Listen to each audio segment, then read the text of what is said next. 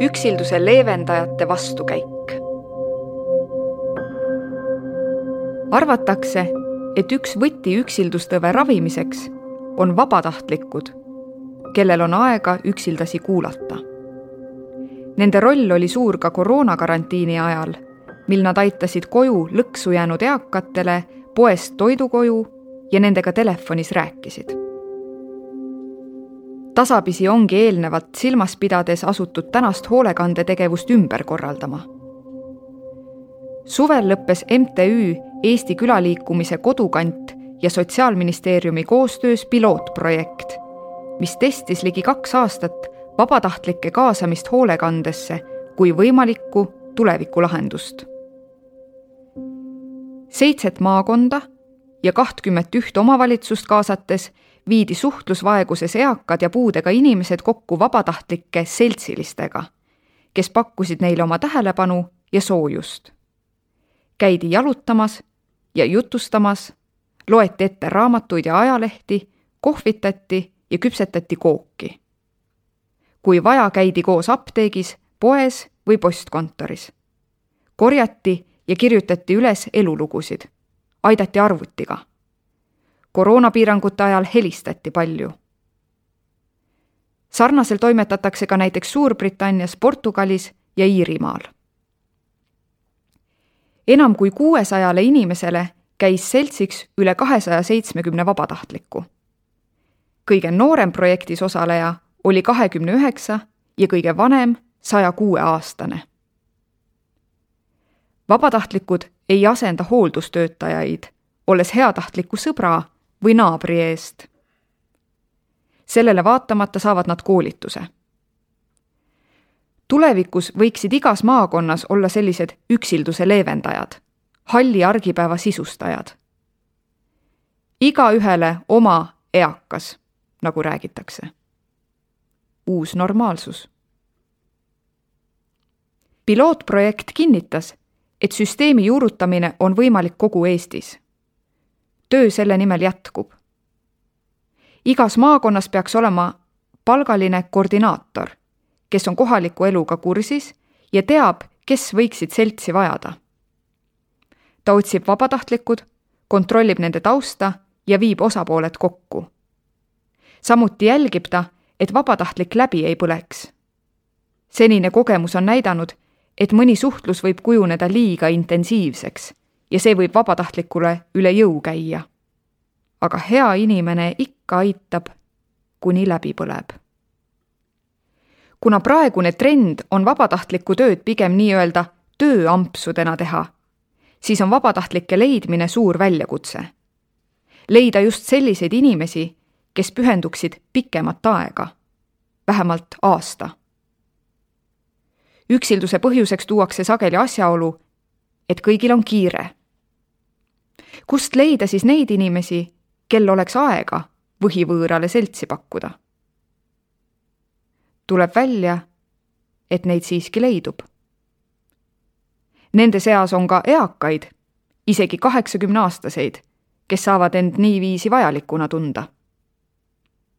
seda tahetakse samuti juurutada, et vanemaealistel tekiks harjumus vabatahtlikus töös osaleda pilootprojektiga liitunud Viljandimaal tegutseva MTÜ Seltsiks sinule liige, Everti talu kaheksakümneaastane toimekas perenaine Kadri Volman käib Saarekülast seltsiks Uusna külas elavale viiekümne üheksa aastasele Leale.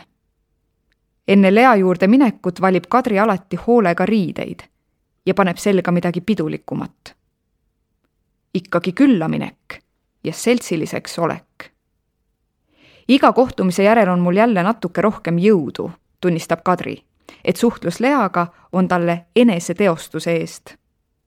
karantiini ajal nad kokku ei saanud, küll aga helistasid iga päev. Nad teavad teineteist tegelikult juba neliteist aastat, kuid viis aastat tagasi, kui MTÜ Seltsiks sinule loodi, sai neist seltsilise ja abistatava ametlikult vormistatud paar.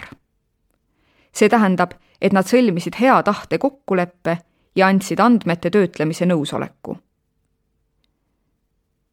oleme umbes kuueteist ruutmeetrises kööktoas. hallikarva kahekorruselise kivimaja esimesel korrusel. toas on kaks diivanit, üks laud, uriinipott, mõni riiul, riiulipealsetel muusikaplaadid ja suured kastid. Hiljuti ehitati Leale valla poolt uus pliit ja pandi uus aken. kõik muu on vana.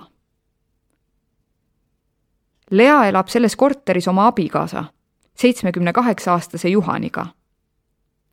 Nad said tuttavaks ajalehekuulutuse kaudu ja abiellusid kahe tuhande viieteistkümnendal aastal. Juku aitab mulle sokid jalga ja mina kaitsen teda halbade kavatsustega inimeste eest, ütleb Lea. Meil on kõik paigas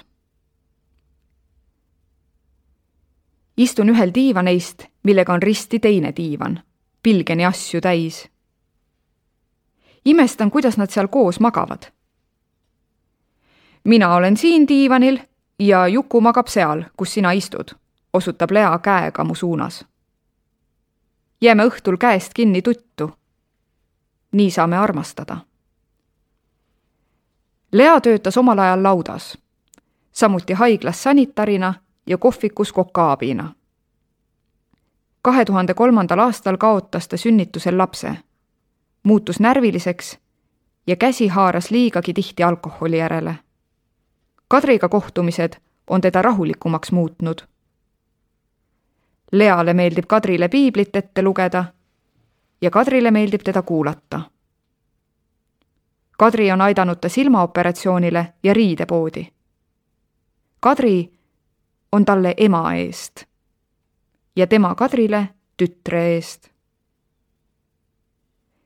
puistan Kadrile oma südant, et ma päris depressiooni ei langeks, ütleb Lea. ta tunnistab, et ärritub siiani kergesti ja vahel nähvab Kadrilegi, et ärgu enam tulgu. kuid Kadri tuleb alati tagasi. Leal on astma, suhkruhaigus ja uriinipidamatus. väljas liigub ta rullaatori abil ravimitele ja hügieenitarvetele kulub tal kuus sada kuuskümmend eurot. vahel, kui raha üle jääb, annetab Lea kirikule. talle teeb rõõmu, kui saab kodust välja. igal kolmapäeval viib sotsiaaltöötaja ta kohalikku päevakeskusesse, kus mängitakse kaarte, lauldakse ja suheldakse.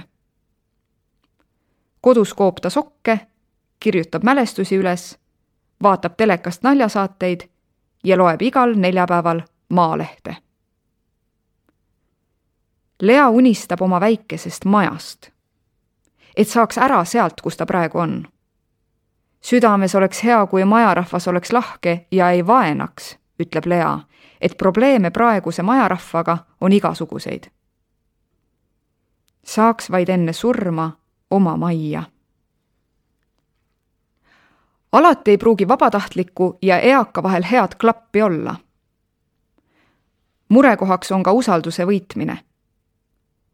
Liis Haavel ei ole seejuures mitte vähe kahju teinud. mida kauem on inimene üksi olnud ja mida haigem ta on, seda raskem on tema usaldust võita. seda vähem ta üldse suhelda tahab. Tihti ollakse siis juba kibestunud või kurjad kes on aga seltsilise teenust kasutanud, on tagasisides öelnud, et on tagasi saanud enesekindluse, rõõmsameelsuse ja soovi veel veidi elada.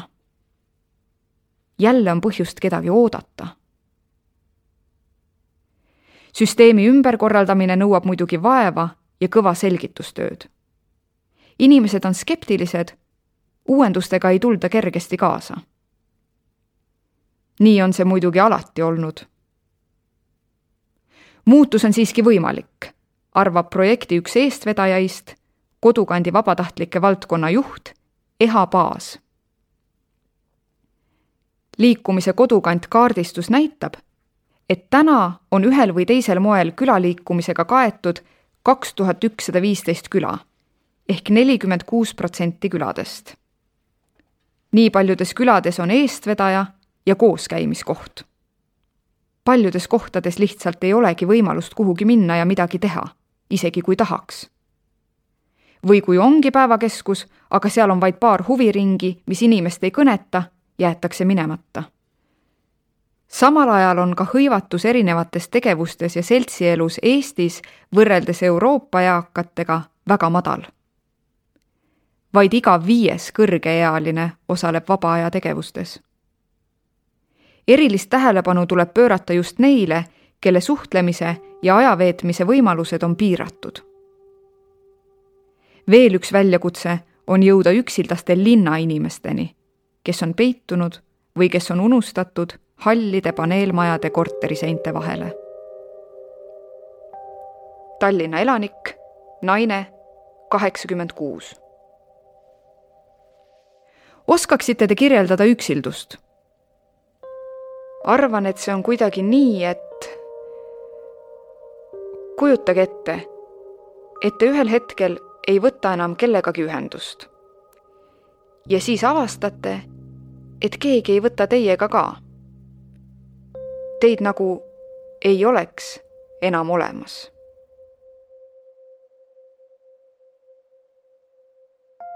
idee eksperdilt üksilduse vastu võitlemiseks. Jututajalaadseid tegevusi võiks levitada ka koolides. vanemad ja noored tuleks füüsiliselt kokku viia. näiteks võiks teha ka töötubasid, kus eakad õpetavad noortele trikke ja nippe